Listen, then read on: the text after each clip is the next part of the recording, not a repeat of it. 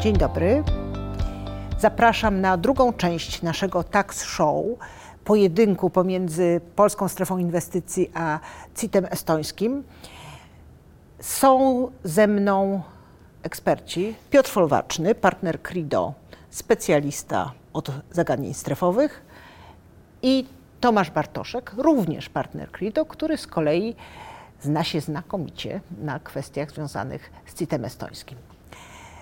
Panowie, poproszę teraz o chwilę szczerości. Dlaczego PSI i CIT estoński czasem może się nie opłacać? Dlaczego czasem nie warto wybierać takich schematów?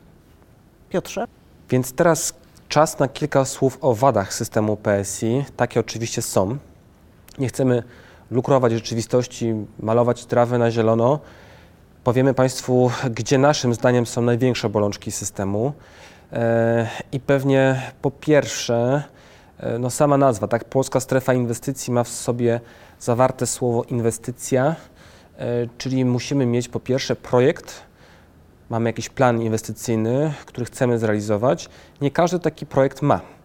Nie każdy ma projekt, który spełnia wymogi te minimalne wartościowe. Czasami nie jest wcale łatwo dobić do tych progów wejścia. Tą kwestię trzeba zawsze bardzo dokładnie przeanalizować pod kątem tego, co się do tej pomocy kwalifikuje, jakie nakłady faktycznie mogą być składową tej nowej inwestycji. Proszę też pamiętać, że mm, są takie miejsca w kraju, y, trochę uszczegóławiając województwo dolnośląskie, województwo wielkopolskie, ten tak zwany obważanek wokół Warszawy, region warszawski stołeczny, w których to miejscach duzi przedsiębiorcy e, na niektórego rodzaju inwestycje, e, tutaj mam na myśli rozbudowy istniejących zakładów, które nie skutkują wejściem w jakąś nową działalność, tej pomocy już dostać po prostu nie mogą. Więc pewnie ta grupa inwestorów e, w naturalny sposób powinna większą uwagę przykuć do mechanizmów CIT-u estońskiego. E, drugą bolączką, pewnie tym bardziej e, odczuwalną w obecnych czasach, są warunki związane z tworzeniem i utrzymaniem miejsc pracy. Mniej wydaje nam się uciążliwym punktem jest utworzenie nowych miejsc pracy. To są często warunki mocno negocjowalne. Nie mówimy tutaj o e, ilościach rzędu set miejsc pracy, często to jest kilka, kilkanaście osób.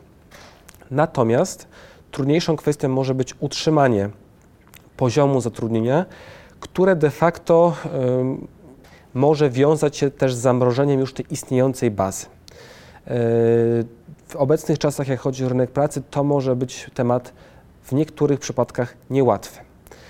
Kolejna rzecz, e, z którą często się stykamy i może być blokerem, jak chodzi o system polskiej strefy inwestycji, zwłaszcza w dużych grupach kapitałowych, są restrykcje związane z przeniesieniem działalności. Więc jeżeli mają nawet Państwo dużą inwestycję, kwalifikujemy się pod kątem progu wejścia, stwierdzamy, że warunki dotyczące miejsc pracy również zachowamy, to jeżeli ten projekt jest związany z pomysłem takim, że nasza grupa przenosi jakąś produkcję z zakładu, załóżmy, nie wiem, w Niemczech, we Francji, generalnie z innego kraju, tak zwanego Europejskiego Obszaru Gospodarczego i lokuje ją w tym zakładzie, który ma dostać wsparcie strefowe, o taką pomoc może być znowu niełatwo. Temat bardzo szczegółowy i bardzo skomplikowany, więc po prostu tutaj dajemy taką flagę, gwiazdkę, że tutaj trzeba się szczególnie mocno temu zagadnieniu często przyjrzeć. Na drugiej linii, e, powiedzmy, uciążliwości, jakie są związane z tematami strefowymi, pewnie już trochę mniejszego kalibru, to po pierwsze myślę, że sprawozdawczość do strefy. To nie jest taki poziom e, drobiazgowości jak na przykład w programach grantowych. E, to jest myślę, że poziom kilku maksymalnie godzin w skali roku, jak chodzi o raportowanie do, e, raportowanie do strefy, więc nie jest to powiedzmy zagadnienie, które wymaga, nie wiem, dublowania etatów w naszym dziale, powiedzmy kadr czy, czy, czy w dziale księgowości, natomiast trzeba być świadomym tego, że dojdą nowe obowiązki raportowe. E, z byciem w ramach PSI wiążą się też koszty administracyjne, czyli każdy przedsiębiorca, który dostaje tą decyzję o wsparciu, jest zobligowany do tego, żeby uiszczać opłaty za świadczenie usług na rzecz bezpośrednio specjalnej strefy ekonomicznej to nie są e, jakieś powiedzmy bajońskie sumy, e, to pewnie niskich kilka procent w skali inwestycji, jeszcze rozsunięte na wiele lat, z reguły na okres ważności y, tej decyzji o wsparciu. E, zwrotnie też otrzymujemy e, usługi wsparcia od, e, od, od samej strefy, doradztwo, szkolenia, tego typu usługi, natomiast tego też trzeba być świadomym. I chyba ostatni punkt, ale ważny, to proszę pamiętać, że w wariancie najczęstszym, jak chodzi o projekty realizowane w ramach PSI, czyli nie Greenfield, a rozbudowa istniejącego zakładu, trzeba być bardzo dokładnym i bardzo szczegółowo przygotować się na zabezpieczenie jak najszerszego zakresu dochodu, który potem podlega pod zwolnienie. Czyli taka konstrukcja wniosku o tę decyzję o wsparciu, która zmaksymalizuje naszą szansę tego, że faktycznie cały dochód z działalności jak realizowana w tym zakładzie będzie mógł podlegać pod to, pod to zwolnienie, oczywiście w ramach dostępnych, e, dostępnych limitów i czasu, który mamy. Zagadnienie bardzo wielowątkowe, e, dotyczące i orzecznictwa, i interpretacji, i zmian podejścia, jak chodzi o organy skarbowe.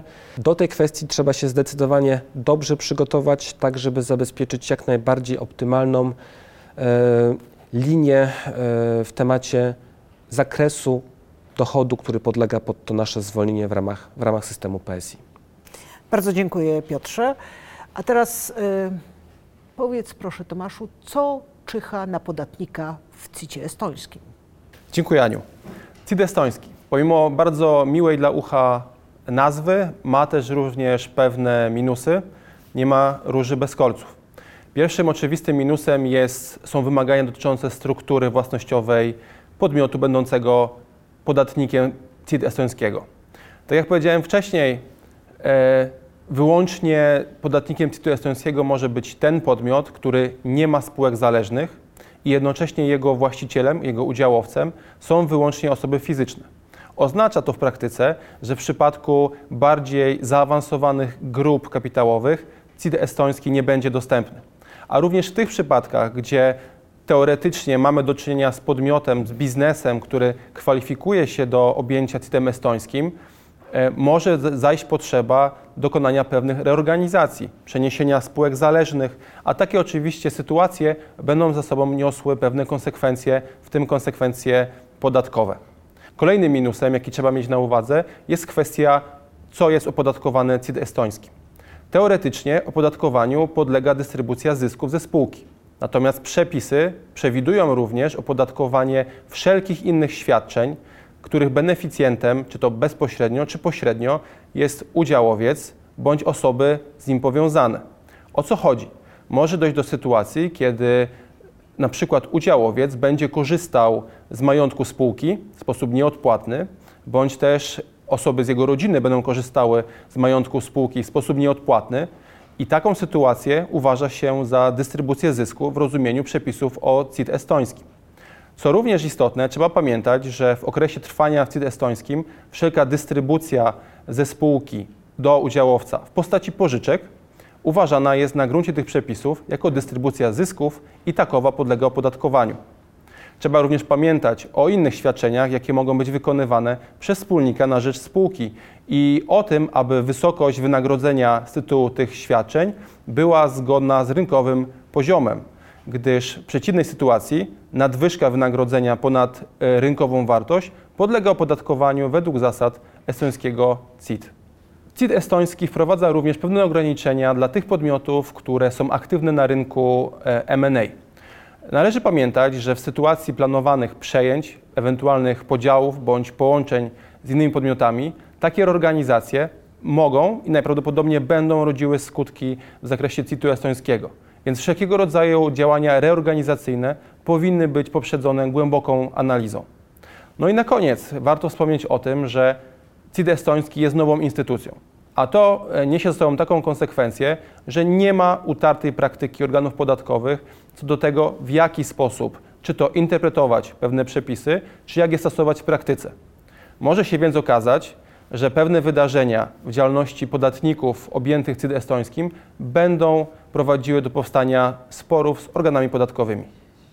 Bardzo dziękuję ekspertom CRIDO za przedstawienie prawdy, tej dobrej i tej złej, zarówno o PSI, jak i o CIT estońskim. Bardzo dziękuję Państwu za oglądnięcie naszego Tax Show.